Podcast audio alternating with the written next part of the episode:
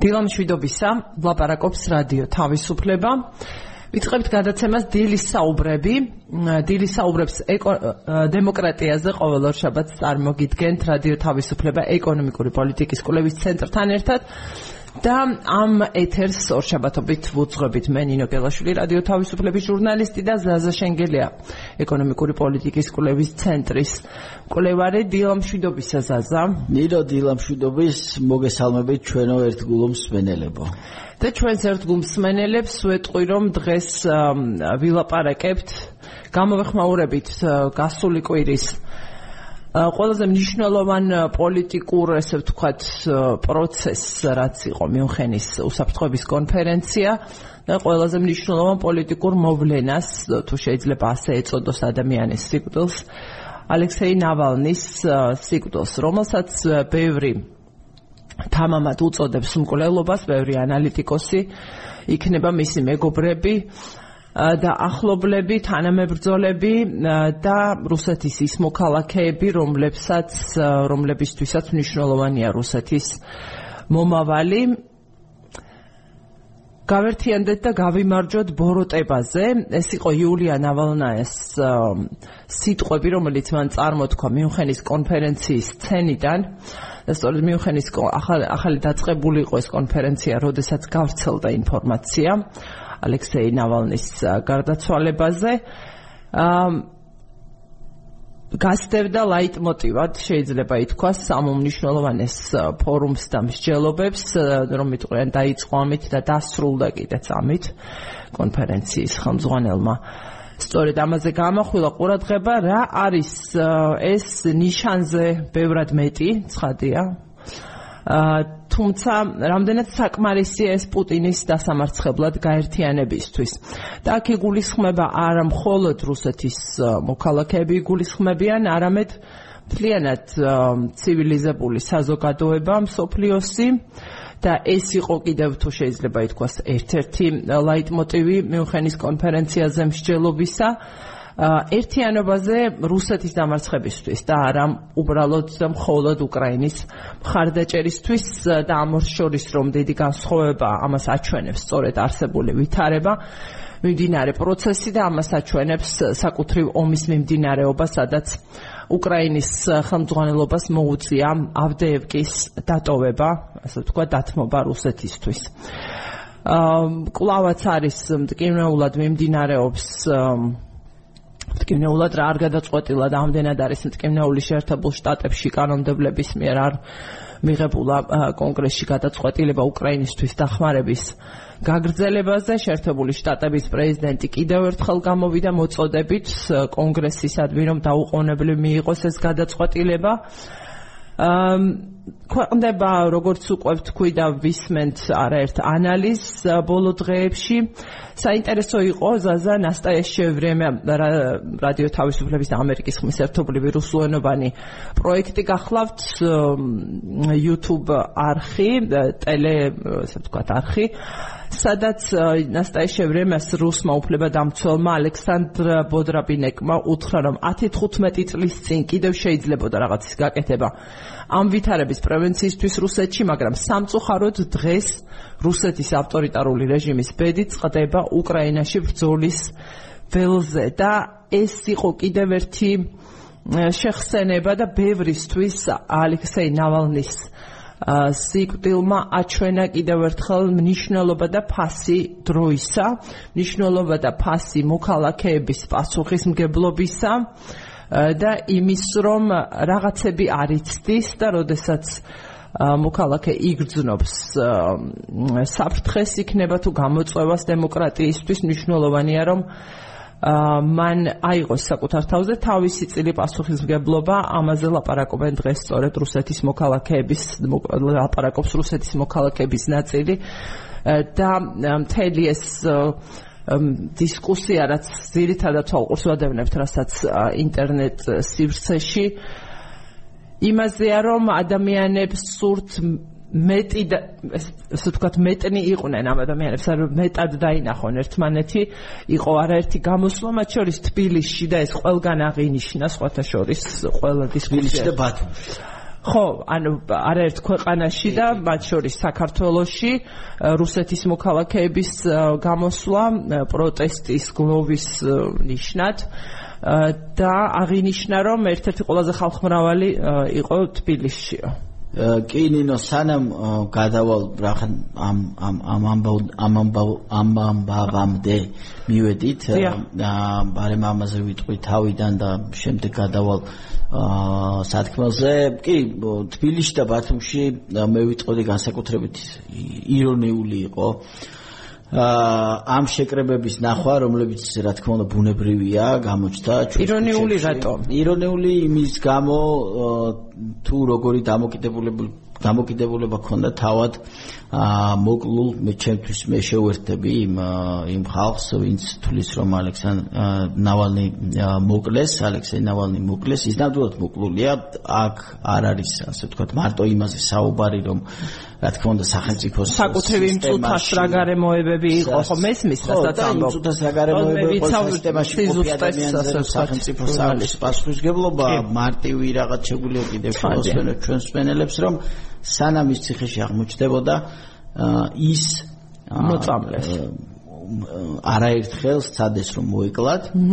როგორც შემდგომში გაირკვა ერთხელ ეს ცდა და მცდელობა თითქმის წარმატებით დასრულდა და როგორც შემდგომში ჟურნალისტურმა მათ შორის გამოძიებამ გამოავლინა რაღაც შემთხვევითობის გამო ნუ იქ პილოტის და თვითფრინავის დროზე დასმის გამო ის შემთხვევით გადარჩა გადაფრინა გერმანიაში და მე მიიღო საბედისწერო გადაწყვეტილება დაბრუნების.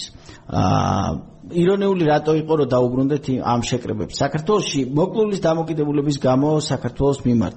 აქ მინდა ორი სიტყვით შევეხო, რა თქმა უნდა, ასეთი ხმაურიანი და მნიშვნელოვანი მოვლენის გამო, რა თქმა უნდა, ყველა ჩვენთაგანს საქართველოსში, ყველა ქვეყანას, მაგრამ ჩვენ განსაკუთრებით, ჩვენი დამოკიდებულება გვაქვს კონკრეტულად ამ პიროვნების მიმართაც და ზოგადად იმ მოვლენების მიმართ, რომელშიც ეს ადამიანი მონაწილეობდა და ჩვენ ძალიან ყველას გვახსოვს სამწუხაროდ, ნეტა ეს არ მომხდარიყო, მაგრამ ყველას გვახსოვს ის აა რბილად რო თქვა ჩოვინისტური განცხადებები, რომლითაც აა პოლიტიკოსი ნავალნი გამოირჩეოდა წლების განმავლობაში ჩვენთვის ქართველებისთვის ალბათ 10.2008 წელია, როცა აა გავრცელდა მისი ძალიან ერთდროულად მცდარი, შეურაცხყოფელი, საწყენი, არასწორი, რა ვიცი, ყველანაირად გაუმართავი განცხადებები ჩვენს შესახებ, თუმცა იყო მე საუბარი იმაზე, რომ მან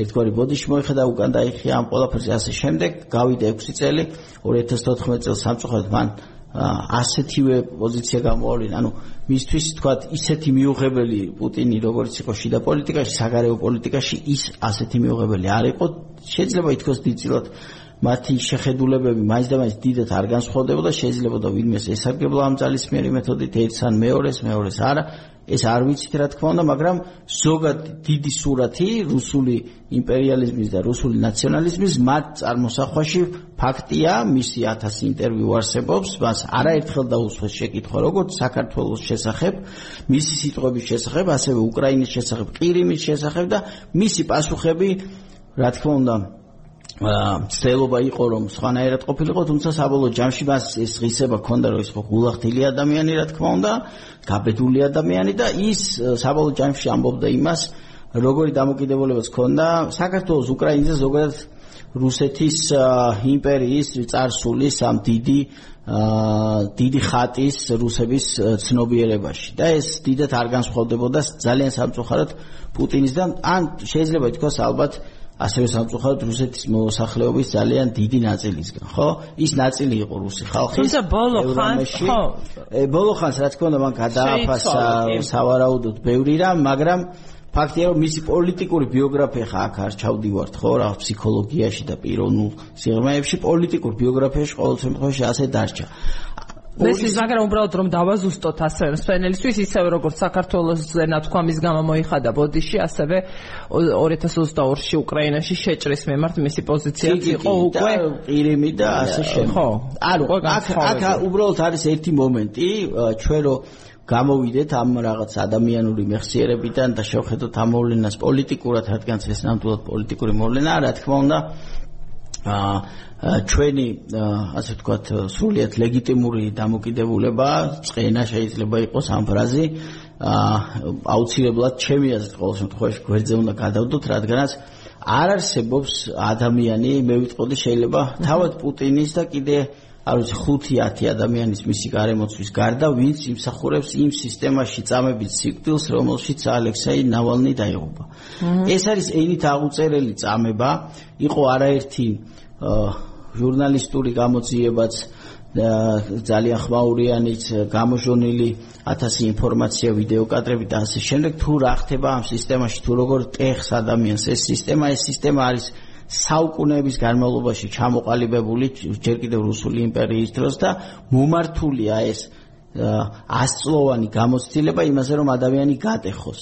ადამიანი გატეხოს არსებობს უამრავი უბინძურესი მეთოდი და როგორც ის წირი ინფორმაციები რომლებიც იქიდან გამოდიოდა ეს მეთოდები იყო ალექსეი ნავალნის მიმართ თითქმის ყოველდღიურად გამოყენებული და ეს ადამიანი ამიტომ მოკლეს არ შეიძლება ამ სისტემაში ადამიანი ისე მოკვდეს როგორც ის მოკვდა და ითქვა რომ ის გარდაიცვალა ბუნებრივი არ არსებობს ბუნებრივი მიზეზი იმ ვითარებაში. ეს რა თქმა უნდა შეიძლება იყოს იგივე იყო ვერსია ერთ-ერთი თრომბი და ასე შემდეგ მაგრამ ამ ყველაფრის დაჩქარება მათი საქმეა ისინი ამაში პროფესიონალები არიან და ნებისმიერი ადამიანი გადის უმძიმეს გამოცდას როცა ამ სისტემაში უწევს გავლა და ჩვენ გვახსოვს არაერთი ქართველი დისიდენტი მათ შორის რა თქმა უნდა პირველ რიგში გვახსენდება ვერაბ კოსტავა რომელმაც ეს სისტემა გაიარა და საბედნიეროდ მან გაუძლო ამ ყველაფერს და ღირსეულად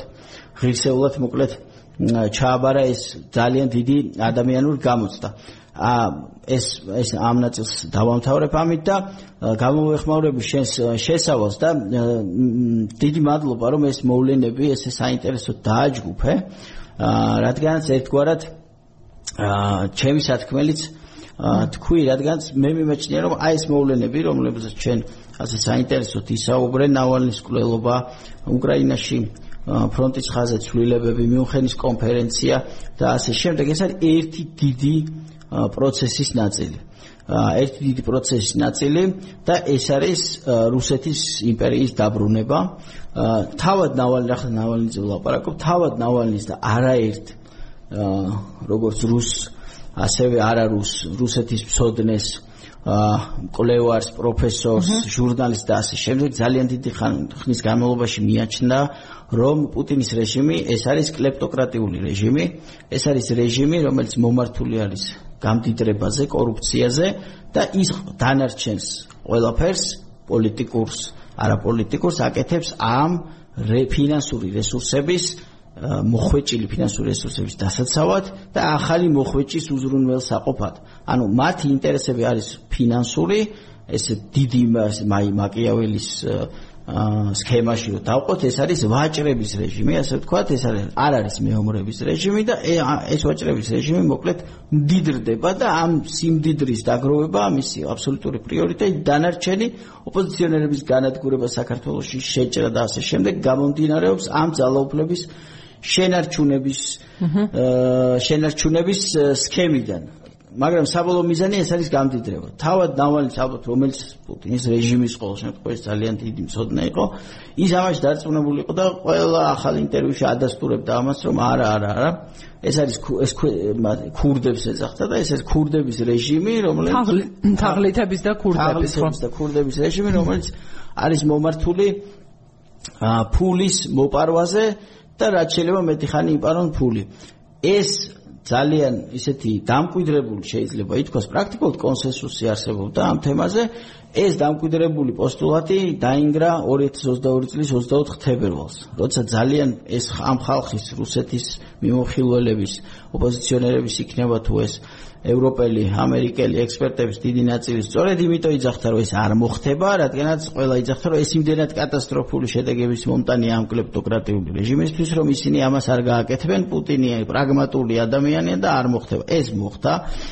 და თუ შეიძლება ითქვას 24 თებერვლის 22 22 წლის 24 თებერვლის შემდეგ ჩვენ პრაქტიკულად ახალი თვალით დავინახეთ ის მოვლენები, რომლებიც იქამდე ხდებოდა და აღმოჩნდა რომ მათში იყო სრულიად სხვა, მაგრამ მაინც იყო ლოგიკა და ეს ყველაფერი აი ეს წლები პუტინის მართლობის და მათ შორის ნავალნის კვლელობის ცდელობა არაერთი სხვა ოპოზიციონერის კარამურზას მაგრამ იყო იქ არამცდელობა არამედ კვლელობებიც ნემცოვის და ასე შემდეგ სულ სხვა სურათში ჩაჯდა და სულ სხვა ახსნა მოეძებნა იმას იმიტომ რომ რო არ დაგიმალოთ მე მაგალითად იმ პარადიგმაში, რომელზეც ახლა ჩვენ გვქონდა ლაპარაკი, ანუ კლეპტოკრატიული რეჟიმის პარადიგმაში, ვერ ვხედავდი ბოლომდე გამართულ ლოგიკას ნავალნის კვლელობისას, კარამურზას კვლელობისას, ნემცოვის კვლელობისას და ასე შემდეგ, რადგანაც ნებისმიერი თუნდაც ზედაპირულად ჩახედული ადამიანისთვის რუსულ სახელმწიფოში, პოლიტიკაში და პუტინის რეჟიმში გასაგები იყო, რომ ამ ადამიანებს ისეთი საფრთხე პუტინის რეჟიმისთვის არ მოჰქონდათ ან აღარ მოჰქონდათ,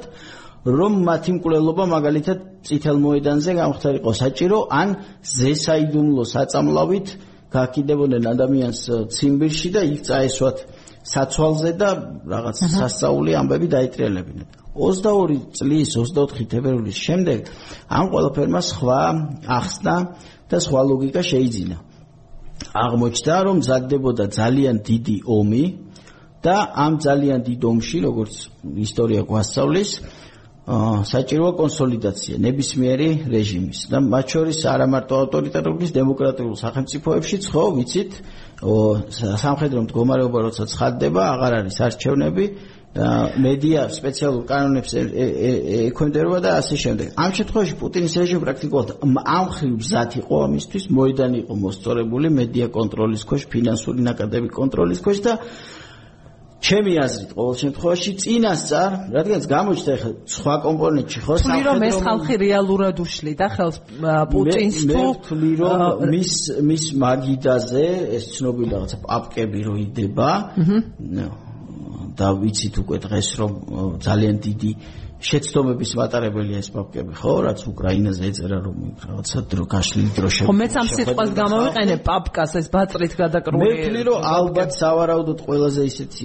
სავარაუდო ახსნა აქვს ჩემთვის იმას რომ იყო ჩათვლილი პუტინის მიერ რომ თუნდაც ისეთი არა ძლიერი და ისეთი დიდი გავლენის არ მქონე ადამიანები როგორც იყო ბორის ნემცოვი რომელიც პრაქტიკულად მოსკოვის მასშტაბით იყო შეიძლება ითქვას რაღაც გავლენის კიდევ მქონე. ომის შემთხვევაში ისინი შეიძლებენ სხვა სხვა სხვა სხვა წონას. რადგანაც დაემთხვეოდა თქვა ერთმანეთს. ანუ აქ არის ჩემი აზრით ერთი მომენტი ნუ რუსეთის ისტორიისთვის ძალიან დამახასიათებელი პუტინის წარმოსახვეში და ის რაღაცა ფსევდო ისტორიით ძალიან გატაცებული ადამიანია როცა პირობითად დასავლეთის და რუსი ხალხის ინტერესი იკვეთება ლიდერის მოცილებაში და ამ შემთხვევაში იყო ადგილი ჰქონდა უბრალოდ აი ვინ შეიძლებოდა გამონახულიყო მის ალტერნატივად დასახელებულიყო. თუ გადავხედოთ ხე ნებისმიერ ადამიანისთვის ის ადამიანები ნავალნი ბორის ნემცოვი ან თუნდაც კარამურზა მისი რაღაც უმციკლო რეპუტაციის გამო ხო ის ისეთი გამოსილი პოლიტიკა შეიძლება არ იყოს მაგრამ აი ესეთი ლიდერები, რომლებიც შესაძლოა ალტერნატივად ყოფილიყვნენ განხილულები ასეთ შემთხვევაში, ან ცოცხლები აღარ არიან, ან მოკლედ არიან რეჟიმის ტყვეობაში. აქედან გამომდინარე, ამ ერთი ხრივ აუხსნელმა და ალოგიკურმა ნაბიჯებმა პოლიტიკურმა კვლელობებმა სულ სხვა ელფერი შეიძლება 20 გამოდის პუტინს კარგად სწოდნია ისტორია. მან არა ისე როგორც ყვება. რა თქმა უნდა ეს ეს ამბავი არის რუსეთის ისტორიის ძალიან დიდი ნაწილი. შეიძლება ითქვას ყველა მართველის ასე ვთქვათ მისი სურვილის საწინააღმდეგოდ მართველობის დასრულება იყო დაკავშირებული რაღაც ასეთ მოვლენასთან ან შეთქმულებასთან ჩამოგდებასთან სახელმწიფო გადატრიალებასთან ზოგს შარფით აღჭობდნენ, ზოგს რაღაცის ურტყავდნენ თავში და ასე შემდეგ. ამ შემთხვევაში მან ერთის გეთახვები, ნინო, კარგად იცის ის რომ სისუსტე მას არ ეპატიება. ეპატიება ყველაფერი. კვლელობა, ხოცვა, ლეტვა, ქალაქების განადგურება, ომის დანაშაულები, საერთაშორისო სამართლის ფეხქვეშ გათელვა, ყველაფერი ეპატიება. ერთი რაც არ ეპატიება არის სისუსტე. ეს იცის და სამწუხაროდ ამ ცოდნას ისე იყენებს, როგორც იყენებს და აქედან გამომდინარე აა მინდოდა იმის თქვა რომ ეს მომწონა ეს შესავალი ამ ხრივ ეს რა თქმა უნდა ეს მოვლენები უნდა განვიხილოთ როგორც ერთი დიდი პროცესის ნაწილი ეს არის რუსეთის იმპერიის დაბრუნება და ყველა ეს მოვლენა ხო ავდეევკას აა ესეთი დატოვება აა გაუსაძლისი შეტევების გამო ნავალნის კვლელობა მიუნხენის კონფერენციაზე მოსმენილი ამბები და ასე შემდეგ ერთი ერთი და იგივეს ნაწილია. ეს ყველაფერი ხდება იმის გამო, რომ პუტინის რეჟიმი აღმოჩნდა არა ის ანუ არა მხოლოდ არა მხოლოდ კლეპტოკრატიული, არამედ იმპერიული განწყობის და იმპერიული мотиваციის მქონე რეჟიმი, რომლისთვისაც რევანში, იმპერიული რევანში არის ბევრად უფრო პრიორიტეტული, ვიდრე მეათე სასახლე, მეხუთე яхта, ან არ ვიცი რაღაც ბრილიანტების კოლექცია, ან ეს რაღაც არა არა არა არა არა ბუნებრივი მისწრაფება ამ სიმდიდრისადმი რომელიც რა ვიცი არ ყველა საზღვარს ცდება და რომელმაც ბევრი ადამიანი მათ შორის ეს ადამიანი ან ნავალნიც რომელიც შეეწირა საბოლოო ჯამში ამ ამბავს იმიტომ რომ მისი პუტინთან პუტინის რეჟიმის თან ბრძოლის მის ძირითადი ასპარეზი იყო ანტიკორუფციული. მისი ძირითადი დარტყმის წერტილი იყო ანტიკორუფციული გამოძიებები, მეთოდი პუტინთან ბრძოლის. აა რა თქმა უნდა, მისი გამოძიებები დიდი პოპულარობით სარგებლობდა როგორც რუსეთში, ასევე რუსეთის გარეთაც, მაგრამ კიდევ ერთხელ სამწუხაროდ არ ვიცი, არ მეგულება ქვეყანა, სადაც ის გამოაშკარავდებოდა, რაც თუნდაც მარტო ნავალნის გამოძიებებმა გამოაშკარავა პუტინის და მისი გარემოცვის შესახებ და ეს ხალხი შეინარჩუნებდა სახელმწიფოს მართვის ბერკეტებს მაგრამ აი თავისებურებების გამო რომლებსაც ჩვენ ვისაუბრეთ აა არაფერი არ მომხდარა ხო? ჩვენ არ გვინახავს არავის პუტინს დიო გადავდოთ გვერდზე თუნდაც მის ქვემოთ ასე ვთქვათ მოთამაშეების რაღაცა დასჯის იმისა ანუ ეს არ არის პრობლემა. ერთ-ერთი პრობლემა და ამაში როგორც თქვით მართალია სამწუხაროდ ეს კაცი არის სისუსტე და ამ სისუსტეს ეს არავნიც მან ნავალნი მოკლა მოკლა ისეთ დროს როცა კიდევ ერთხელ შეიძლება ეს მართლა ეხლაც ალოგიკურად ჩანდეს ხო? ადამიანი არის გულაგში ადამიანი არის იზოლირებული შენი კონტროლის ქვეშ. რატომ უნდა მოკლა როცა ამან შეიძლება ახალი თუნდაც სანქციების პაკეტი გამოიწვიოს, გართულოს ვითარება, კონსოლიდაცია გამოიწვიოს დასავლეთში, ტარდება მიუხედის კონფერენცია. აი, ამაზე ვიდრე გადავალთ, ხო, იცი რომ ამ ამ ეს კითხვა ისმება სულ, ხო? და ცდილობენ პასუხის გაცემას. კი ბატონო.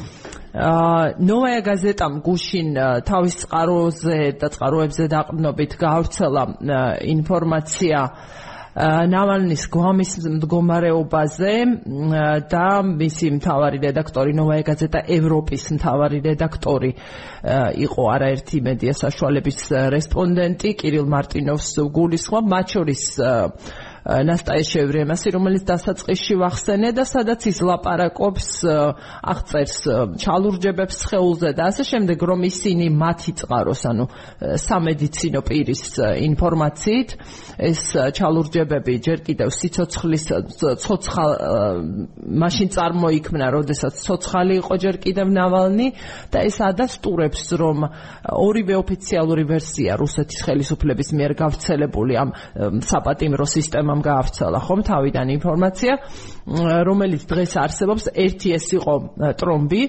და მეორე იყო უცაბედი სიკვდილის სინდრომი რომელიც არ შეესაბამება. სინამდვილეს არც ერთი ეს ვერსია აი ეს ამბავი ადასტურებს რომ ეს დაზიანებები სიცოცხლის დროს ვინაიდან ეს ადასტურებს იმას, რომ მას ჰქონდა კრუნჩხვითი შეტევა და ჩაუტარდა გულის მასაჟი, არაპირდაპირ მასაჟი გულისა, რაც იმ ტრომბის შემთხვევაში იქნება თუ უცაბედი სიკვდილის მოკლედ ეს ასე არ გამოიხატებოდაო, სულ სხვა ვითარების მანიშნებელია ეს მათ შორის არ შეიძლება გამოერიცხოს ნოვიჩოკით, ნოვიჩოკით მოწამლვაო. ამბობს ის. და აი მინდა ხო ბზანე 90%-ით დარწმუნებული ვარ, რომ ის არის წამებით მოკლული.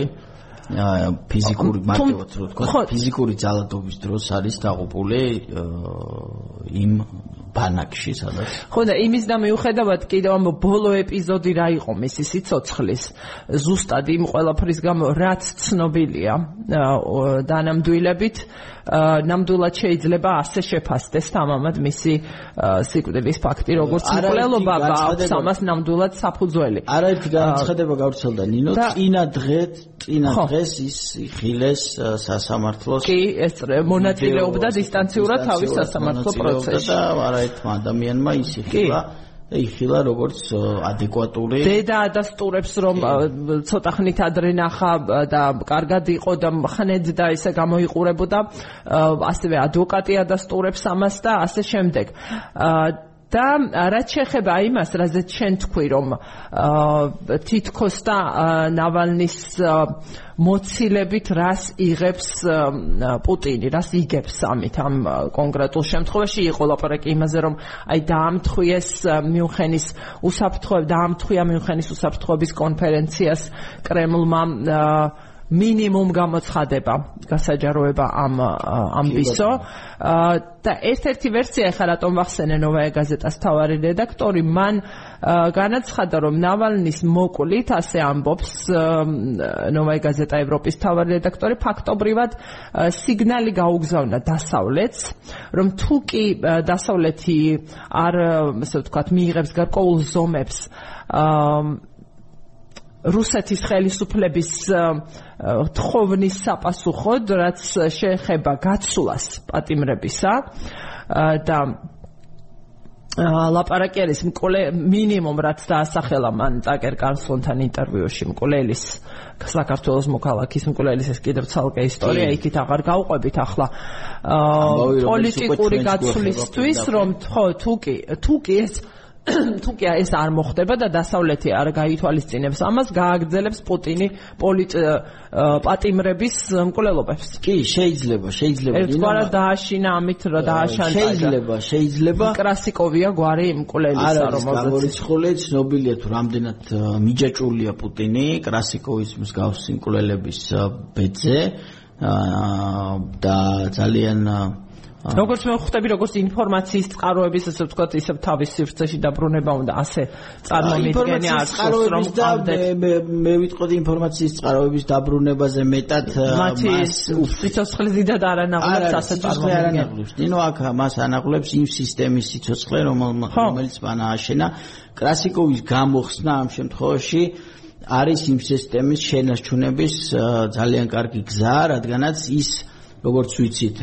ესე იგი პუტინის ისე ნავალნის გამოძიებებიდან გამომდინარე შორს რო აღარ წავიდეთ პუტინის უსაფრთხოების აპარატი არის ჩამოყალიბებული პირდაპირ ვთქვათ სიკვდილის ესკადრონი როგორც ამას წარსულში ეძახდნენ ხოლმე ეს არის ხალხი ეს არის ჯგუფი რომელიც ჩამოყალიბებულია როგორც სამხედრო დაზვერვის სტრუქტურაში ისე უშიშროები რუსეთის უშიშროების ფედერალური სააგენტო სტრუქტურაში და ეს არის შენაერთები რომლებიც არიან პირდაპირ დაკავებულები მკვლელობებით ტერორისტული აქტებით და ასე შემდეგ. არაერთი ფაქტი იქნა გამოციებული და დადასტურებულია დღესდღეობით, რომ გარდა ამ რუსი ოპოზიციონერების დევნისა და მკვლელობისა, იყო არაერთი მცდელობა, თქვათ, იგივე ბულგარელი იარაღით მოვაჭრეების განადგურების, მათ შორის ნოვიჩოკითაც, არანოვიჩოკითაც, ისეთი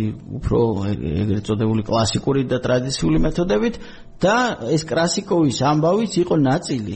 კრასიკოვი იყო, უნდა ვთქვათ, რომ მისი ესეთი რაღაცა ცოტა კრიმინალური პროფილის მიუხედავად, ის იყო ნაწილი გასაიდუმლოებული აა გასაიდუმლოებული რაზმის, ესე რომ ვთქვათ, რომელიც ემზადებოდა ფედერალური უშიშროების სამსახურის სტრუქტურაში და ის არის ამ სტრუქტურის ნაწილი და ის იყოს ბერლინში გაგზავნილი სწორედ პუტინის რეჟიმის დავალებით ეს შეიძლება პირდაპირ ითქვას. აქედან გამომდინარე კრასიკოვის დაბრუნება მისთვის არის სიგნალი რომ ის არ ტოვებს განსაცდელში ესეთ ხალხს, ამ ხალხს მან არაერთხელ უკრაინის შემთხვევაში იყო რამდენიმე გადაცვლა, გადმოცვლა ესეთი ხალხის, რომელიც უკრაინელებმა დაიჭირეს. ეს არის სპეცსამსახ ის ხო სპეცსამსახურებიდან არის და მათთვის მისთვის ეს არის ისეთი პრაქტიკა, რაც უფრო კარგად იცის თქვა ვიდრე ჩვეულებრივი ჩალებში პოლიტიკის კეთება და აქედან გამომდინარე მისთვის ეს არის ეს ამბავი. ეხლა რაც შეეხება თვითონ ამ თქვათ რამდენად ჯდება ისევ და ისევ ლოგიკაში ნავალნის კვლელობა და რა თქმა უნდა ეს მოვლენები ერთმანეთს ემთხვევა შეიძლება იყოს ასეთი მსჯელობა არა რომ ერთნითლიან რომ არაფერს შეაწყობდა მეორე ნითლიან რომ რა ქონდა ამას მე უფრო აი ცოტა უფრო ორნაბის უკან გადავწყვეტი მე უბრალოდ ერთს ჩავშთავ რომ პრაგმატული მსჯელ აი ესე ფიქრი პრაგმატულად რა შეიძლება აწყობდეს ადამიანს ან ნორმალურ ან ნორმალურთან ახლოს ყოფ ადამიანს ერთი საკითხია და მეორე საკითხია რომ ლაპარაკობ ხო. მე მგონი გაზვიადებულია პუტინის და მისი რეჟიმის რაციონალურობის შესახებ შეხედულებები, ანუ უფრო რო დავაზუსტო ჩემი აზრი, ვიტყოდი რომ მისი რაციონალურობა არის განსხვავებული. ის რა თქმა უნდა რაციონალური აქტორია, ადამიანი რომელიც 20 წლის განმავლობაში მართავს სამხელა ქვეყანას, არის რაციონალური. სიტყვა რაციონალური თავისთავად არ ატარებს რაღაც მაინც და მაინც დადებით კონოტაციას. ხო, რაციონალური ნიშნავს ადამიანი, რომელიც მიზნის მისაღწევად ხედავს გზას და ამ გზას იყენებს.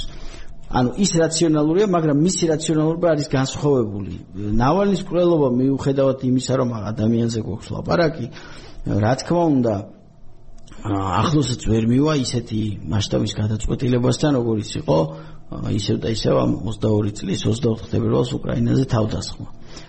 აი, ამ მოვლენის რაციონალურად განხილვა ორი წელი გავიდა, რა არ ვნახეთ, რა არ ვიხილეთ, რამდენი არ მოვისმინეთ და რამდენი არ წავიკითხეთ, ჯერ ამ მოვლენას გამართლება ვერ მოეძებნა. ბოლო პრეცედენტი რაც ქონდა და ჩვენ წინა ეთერში რაზეც ვისაუბრეთ, ბოლოს აგერ ტაგერ კარსონი ჩავიდა, ჩაფრინდა კარსონივით მოსკოვში და პუტინს ბოლო-ბოლო პირდაპირ დაუსვა კითხვა დიდი სიმპათიით და მოლოდინით რომ იქნებ ამ ადამიანს აეხსნა თანმიმდევრულად რატო ჩაიდინა ეს ყველაფერი და პუტინმა ლაპარაკი დაიწყო 897 წელს რურიკი როგორ ჩავიდა გემით ნიჩბები მოუსვა და ჩავიდა სკანდინავიდან კიევში. ანუ რაციონალური არც მას არ აქვს არავის არ აქვს ამის ახსნა მაგრამ მიუხედავად ამისა ეს მოხდა და ეს უდიდესი ტრაგედია ხდება ყოველ დღე.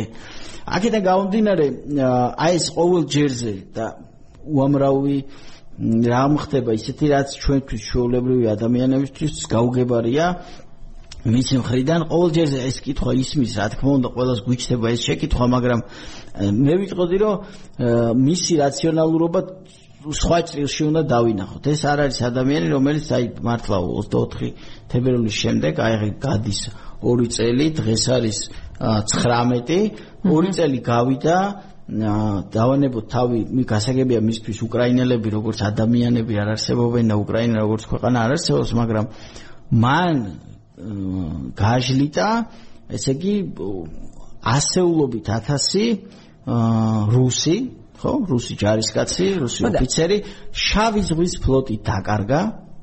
აი მისი თვალიდან შევა დავანებოთ თავი ადამიანობას და ასე შემდეგ შავი ზღვის ფლოტი დაკარგა. დაკარგა იმ რაოდენობის ტექნიკაი ბოლო ძალიან საინტერესო შედარება იყო. 15 ბუნდესვერი რომ ანუ გერმანიის არმია 15 ჯერო განადგურებული იყო იმ რაოდენობის ტექნიკა და ადამიანები დაკარგა. აა და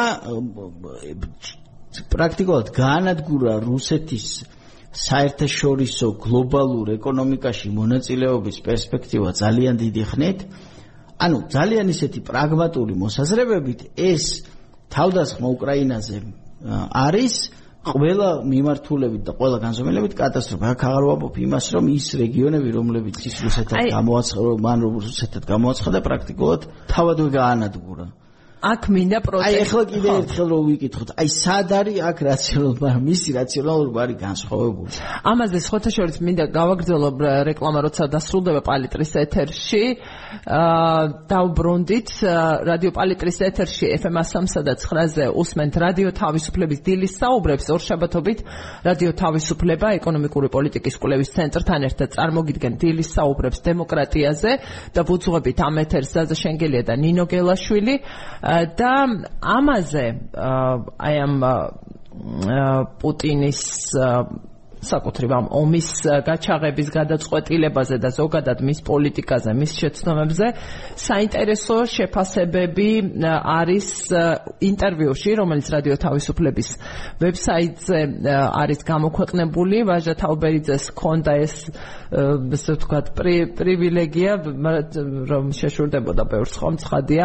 აა განსაკუთრებით ჟურნალისტებს მიუნხენის კონფერენციაზე ყოფნისა და ჩაწერა არაერთი საინტერესო ინტერვიუ. ერთ-ერთი აგერ გვაქვს საშუალება რომ წავიკითხოთ. ეს არის ისტორიკოს ტიმოთი სნაიდერთან ინტერვიუ რომელიც ამბობს რომ პუტინმა სტრატეგიული შეცდომა დაუშვა მაშინ როცა გადაწყვიტა როცა დასავლეთი აირჩია მტრად. რადგან დასავლეთის მტრად არჩევა ნიშნავს ჩინეთის პატრონად არჩევას. მისი შეფასებით და ასევე თუნდაც ის რუსეთიო ტიმოთი სნაიდერი ამბობს რომელიც უკრაინის ომიდან გამარჯვებული გამოვა ასეც რომ მოხდესო მაინც დარჩება რუსეთად რომელიც ჩინეთის საქმეს გააკეთებს ჩინეთისთვის. სხვა საკითხია რუსეთი კი დააზარალა მაგრამ სხვა საკითხია რომ რუსეთის პუტინის ამ გადაწყვეტილებით და რუსეთის თვის ამზიანის მიყენები მიყენების ფასი გადახდა მოუწევს ასევე და უწევს სოფლიოს პირველ რიგში უკრაინას და დანარჩენ სოფლიოს. და კიდევ არა რა მასშტაბით იქნება და ძნელია არ დავეთანხმოთ. სრულიად აა სრულიად აღიარებულ და სრულიად დამსახურებულად აღიარებულ პროფესორს ამ სტრატეგიული შეცდომის ბუნებაში, რა თქმა უნდა, რუსეთის საუკუნეების ისტორიიდან გამომდინარე, რუსეთის მიერ დასავლეთის საწინააღმდეგოდ გაკეთებული არჩევანი არის ყოველთვის არჩევანი აღმოსავლეთის ჭალებში, ამ შემთხვევაში ჩინეთის ვასალიტეტში ჩადგომის რაღაცა ფორმის რაშიც თავისუფლებას მიუცემდა შეიძლება ისტორიკოს არ დავეთანხმო არის ის რომ ეს იყო პუტინის არჩევანი. ეს არ იყო პუტინის არჩევანი ჩვენ არ გვახსოვს პუტინი. მიუხედავად იმისა რომ არის მისი ბიოგრაფიის ეს ესე ესე ესე გაფორმების არის მედვედევის ეპიზოდი და ასე შემდეგ. მე მე ვერ ვიტყოდი რომ მის ბიოგრაფიაში მის პოლიტიკურ ბიოგრაფიაში იყო პერიოდი როცა ის თავს და რუსეთს განიხილავდა დასავლეთის მეგობრად დღევანდელი განსახაიდან რა თქმა უნდა შეიძლება 10 წლის წინ ჩვენ ყოველას გველაპარაკე იმის შესახებ რომ აი თავიდან ბუშთან შეხვედრები ის არსებობს ინტერვიუები დღეს წარმოუდგენელია მაგრამ არსებობს ინტერვიუები სადაც ის ამბობს რომ რატომაც არა ერთ დღეს შეიძლება რუსეთიც ნატოში განვიხილოთ როგორც ქვეყანა ჩვენ ვართ 1000 ფორმა მოკლედ იმისა როგორც ის და მისი გარემოცვა აჩვენებდა დასავლეთს, რომ ჩვენ არ ვართ თქვენი მოწინააღმდეგობით და ასე შემდეგ, თუმცა ეს ყველაფერი დღევანდელი გადმოსახედიდან ფაქტია, რომ იყო უფრო გრძელვადიანი თამაშის და პროცესის ნაწილი სადაც რამდენად ხა ეს ირჩევდა მეგობრობას რა ვიცი აი მაგიტო რა ეტაპზე ჩვენ თარგმნა სისტემის სადაც არც განიხილება დასავლეთი არასდროს როგორც მეგობარი ხო? ჩვენ ყველამ ვიცით მის ის არის კგბ-ს სისტემიდან გამოსული ადამიანი რომელშიც დასავლეთი იყო მტერი და ის მოესწრო და არაერთი ციგნი არსებობს ამის შესახებ ამ საბჭოთა კავშირის დაშლა თუ რამდენად ტრაგედია იყო არა მარტო მისთვის არამედ მთელი მისი აი ამ კგბ-შნიკური ასე ვთქვათ გარემოსთვის. ამ ტრაგედიის ფონზე იმაზე საუბარი რომ დასავლეთი პუტინისტვის პერი არის იმიტომ რომ ეს მას მან ასე აირჩია რაღაც მომენტში ეს რატომ არის კიდევ არასწორი მე ვიტყოდი ამის თქმა რადგან ეს გულისხმობს რას? ეს გულისხმობს იმას რომ რაღაც მომენტში პუტინს არ უნდოდა მაგრამ მან არჩევანი გააკეთა ამის ასეთი არჩევანი გააკეთა იმის გამო რატო ხო ამას ყველა არ გააკეთებდა ესე იგი დასავლეთმა ამით რაღაცნაირად უბიძგა. ტრადაქცია ტრადაქცია აქ ჩვენ ვისმენთ ხოლმე არის ლაპარაკი ნატოს გაფართოებაზე აქ არის ლაპარაკი 1000 ეპიზოდზე რის გამო შეიძლებოდა მოკლედ ჩვენ გვეწყერინებინა და ეს კაცი მოკლედ გადაგვეკიდა ასე მტრად. არასწორია მე მგონია იმიტომ რომ არ ყოველგვარი იმის გარშემო მართლა აი სენტიმენტების არა იმის გამო რომ თქვა ჩვენ საქართველოსთან საუბრობ და ასე შემდეგ. აი ყოველ შემთხვევაში მაქსიმალურად რაც შემიძლია დისტანცირება ამ განწყობებისგან. აი ესე ძალიან ცივი გონებით მართლა დარწმუნებული ვარ რომ არასდროს ესეთი დამოკიდებულება დასავლეთის მიმართ და ჩვენ გვახსოვს ხო ეს ობამას ჩამონგრეული მთელი თეორია და მთელი პოლიტიკა რომელიც მათ შორის უნდა ითქვას რომ დღევანდელი შეერთებული შტატების პრეზიდენტი იყო ამ პოლიტიკის ერთ-ერთი სახეც.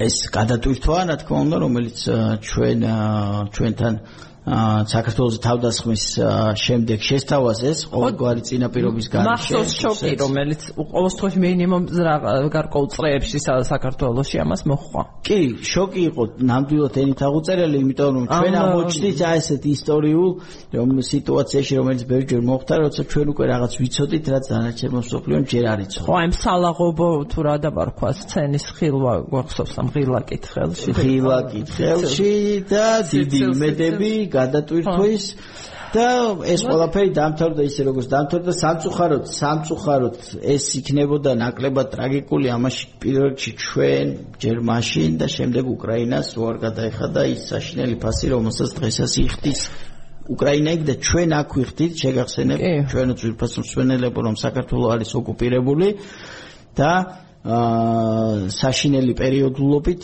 ჩვენ მოქალაქეებს იტაცებენ და მათი ნაწილი ისევე როგორც სხვა ამ სისტემის მსხვერპლი ტრებას წამების მსხვერპლია და ჩვენ საკუთარ ტერიტორიაზე ხოცავენ ჩვენს მოქალაქეებს. და რუსეთთან მიმყოფები საქართველოს მიმყოფება ცეცხლის შეწყვეტის რეჟიმში. რომ იცოდეთ ესე ვთქვათ ფორმალურ იცოდეთ არა რომ გვახსოვდეს ბოდიშ ვიხდი ეს ფორმალური მხარეც. ამ ურთიერთობისა როცა ჩვენ გვესმის სიგნალები მოსკოვიდან მიუხედავად დიპლომატიური ურთიერთობის არარსებობისა რომ საქართველოსთან ეს რაღაც როგორც კეთილი ნების გამოჩენა ურთიერთობები უნდა გაღრმავდეს და განვითარდესო და მეორე მხრივ სავაჭრო ურთიერთობები იზრდება და ასე შემდეგ და ასე შემდეგ. ეს არ არის ახლა ჩვენი საუბრის თემა თემა. როგორც წესი ჩვენ ვლაპარაკობთ ხოლმე უფრო შიდა პოლიტიკურ ამბებზე, მაგრამ დღე ორშაბათის რუბრიკაში, თუმცა ცხადია დემოკრატია და დემოკრატიული ფასეულობებისთვის ბრძოლა ცხადია არ განისაზღვრება საქართველოს შიდა პოლიტიკური პროცესებით, პროცესებით მხოლოდ კი არა და ძალიან მნიშვნელოვანი წილად არის დამოკიდებული იმაზე, რა ხდება სოფლიოში და ამის მოწმენი ვართ პრაქტიკულად ყოველ დღე. რადგან გააკრიტიკა ესე ვთქვა და მომწონს ეს რეჟიმი ასე რესპონდენტი ვაჟასი ტიმოთი სნაიდერი ცნობილი ისტორიკოსი. ის ასევე ამბობს რომ ომში სწორ მხარეს ყოფნა საკმარისი არ არის შეიძლება საკალოს ოთახში ან დებატებში საკმარისი იყოს მაგრამ ომში უნდა დაი გაიმარჯო ვერ გაიმარჯვებ თუ არ ლაპარაკობ გამარჯვებაზე და ფიქრობ რომ გამარჯვების ხედვის არარსებობამ დაგეგმვა გაართულა ეს იწოს ფუჭიმეთს რომ როგორ როგორმე ეს ყველაფერი სადღაც თავისით გაქრება და დიდი დრო მოვანდომეთ უკრაინისტვის საჭირო შეერაღების მიცემას და ამიტომ ომი უფრო დიდხანს გაგრძელდება. საერთო ლოგიკა მაინც იგივეა, ვფიქრობ 2024 წელს ევროპელებზე იქნება დამოკიდებული დაეხმარონ უკრაინელებს ფრონტის ხაზის შენარჩუნებაში, რათა 2025 წელს რაღაც გამარჯვების მსგავსი გახდეს შესაძლებელი. საკუთრივ დამარცხების ნაწილზე ამბობს რუსეთის კონტექსტში, რომ და ხა ზუსტად ციტატას ვერ პოულობ, მაგრამ დამარცხება ომს მაშინ აგებ ხო ვიპოვე როცა პოლიტიკურად მისი გაგრძელება აღარ შეგიძლია. უნდა აიძულო მოწინააღმდეგე რაიმე მიზეზით ვეღარ გააგრძელოს ომი. აი აი მინდა ამითი ხიდით გადავიდე ისევ მიუნხენის კონფერენციისკენ მსმენელებს გეტყვით. ცოტა კი დამიგვიანდა საუბარში გართულს 595500555-ზე შეგიძლიათ. SMS-ების გამოგზავნა თქვენი მოსაზრებებით და შეკითხვებით დრო დაგვრჩა ცოტა 10 წუთი. პრაქტიკულად დასრულებამდე 59550 052025-ზე ერთი ერთი კომენტარი გვაქვს წრინვალე ანალიზია დიდი ხნის წინ დაანონსა მესამე რომე უნდა აღვადგინო. უეცარი სიკვდილის სინდრომი როგორც წესი გულისხმობს რეპტურას გულის გახეთქვას რაც გვამური მონაცემებით აბსოლუტურად გამორიცხულია. ხო არ ვიცი ამ მედიცინაში ვერ ვერ ყვევი მაშ ჩვილებში გამიგია უეცარი გაჩერებას ნიშნავს გულის მაგრამ დიდებში არ ვიცი.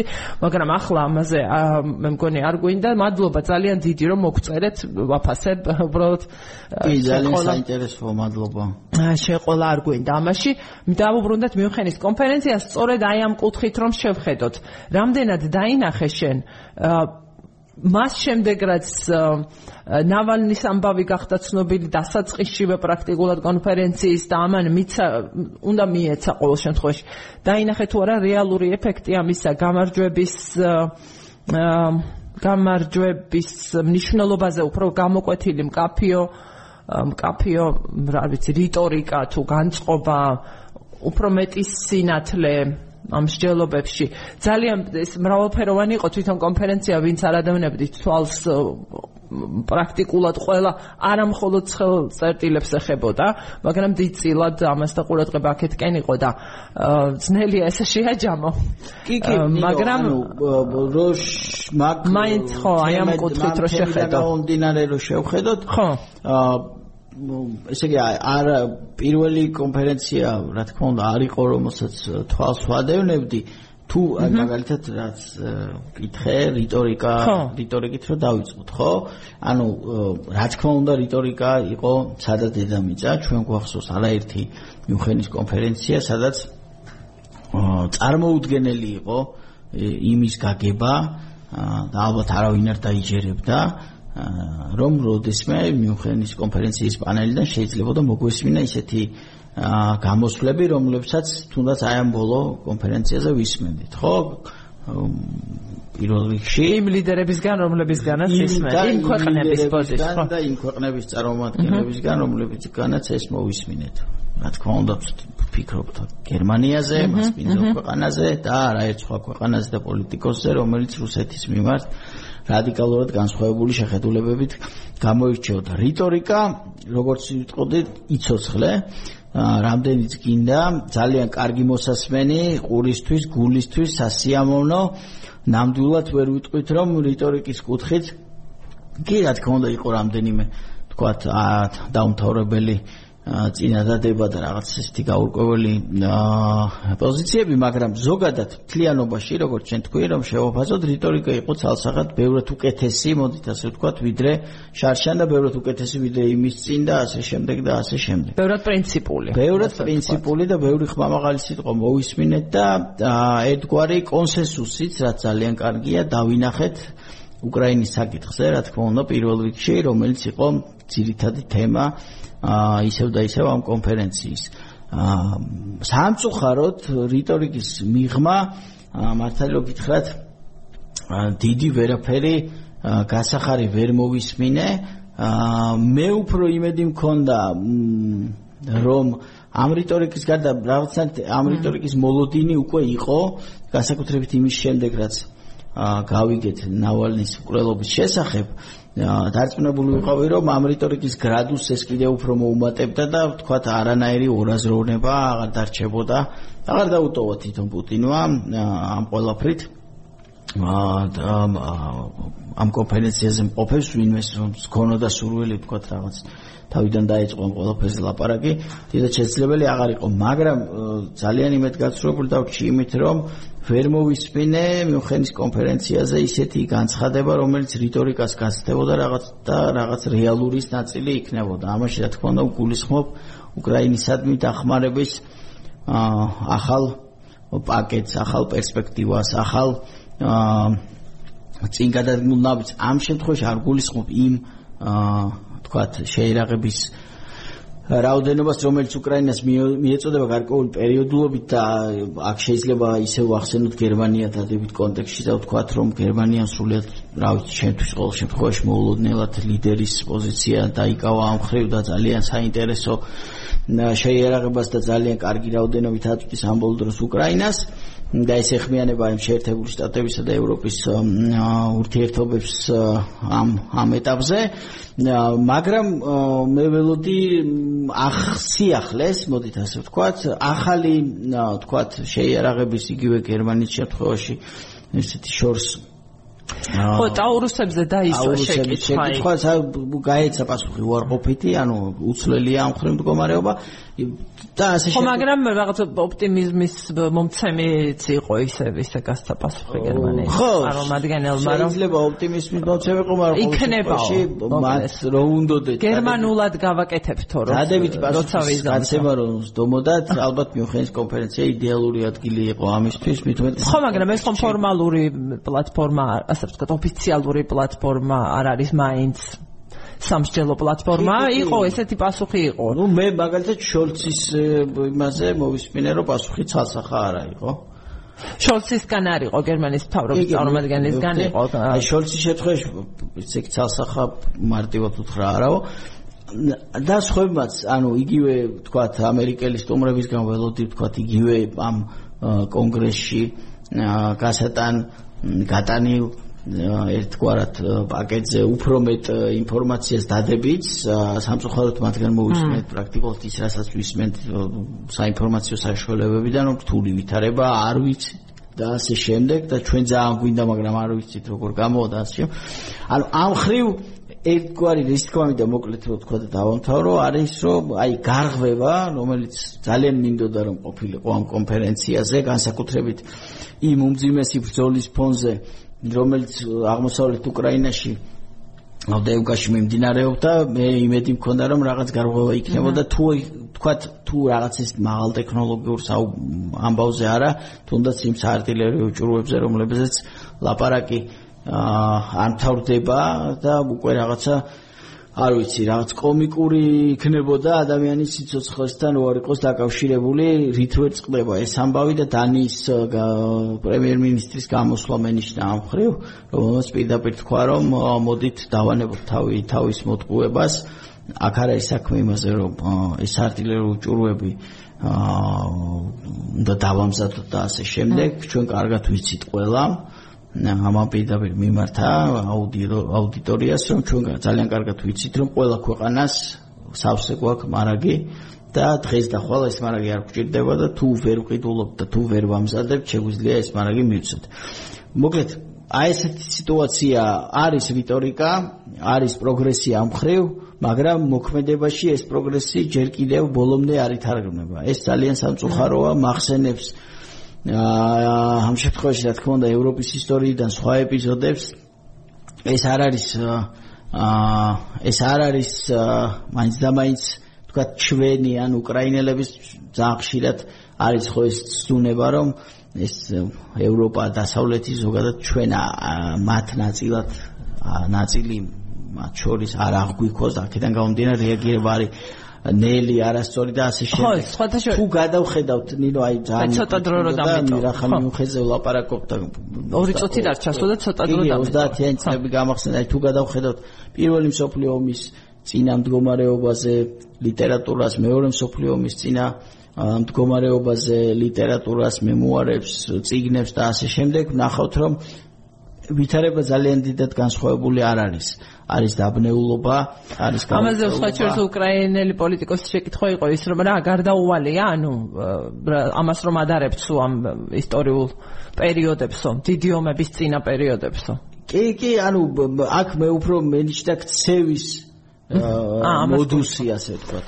ქცევის მოდუსი რადგან დიდად არ განსხვავდება სამწუხაროდ ესეთი ესეთი ვითარებაა და ამ ამ ვითარებაში რა თქმა უნდა უკრაინა იმედია იმედია რომ ძალიან სწრაფად აკეთებს დასკვნებს რადგანაც დრო არ ითმენს გადარჩენაზე აქ საუბარი. კი, და საინტერესო ანალიზს აქვეყნებს უკვე დღეს უკრაინის სამხედრო უკრაინაში მიმდინარე სამხედრო პროცესზე ომის შემსწავლელი ინსტიტუტი, რომ უკრაინისტვის დასავლეთის სამხედრო დახმარების შეფერხებამ ხელი შეუწყო ფრონტის რამდენიმე მონაკვეთზე რუსეთის შეტევის დაწყებას და ამაზე შეგიძლიათ წაიკითხოთ რადიო თავისუფლების საიტზე და ასევე ნათქვამია რომ დღეს 19 თებერვალს რუსეთის თავდაცვის სამინისტრომ განაცხადა რომ სრული კონტროლი დაამყარეს ავდეევკის კოქსის ქიმიურ ქარხანაზეც და საწარმო შენობებზეც რუსეთის დროშები აღმართეს.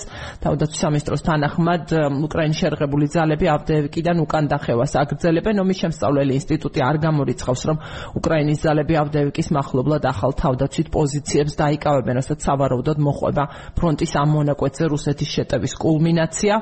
მსმენელი წერს ხოდას დასასრული რა გამოდის გაყინვა კონფლიქტის სხვა სხვისი პრობლემის გამო თავს არიტკიებს ფაქტიაო საქმეც ეს არის რომ უბრალოდ რო აღარ გრჩება სხვისი არ არის ეს პრობლემა.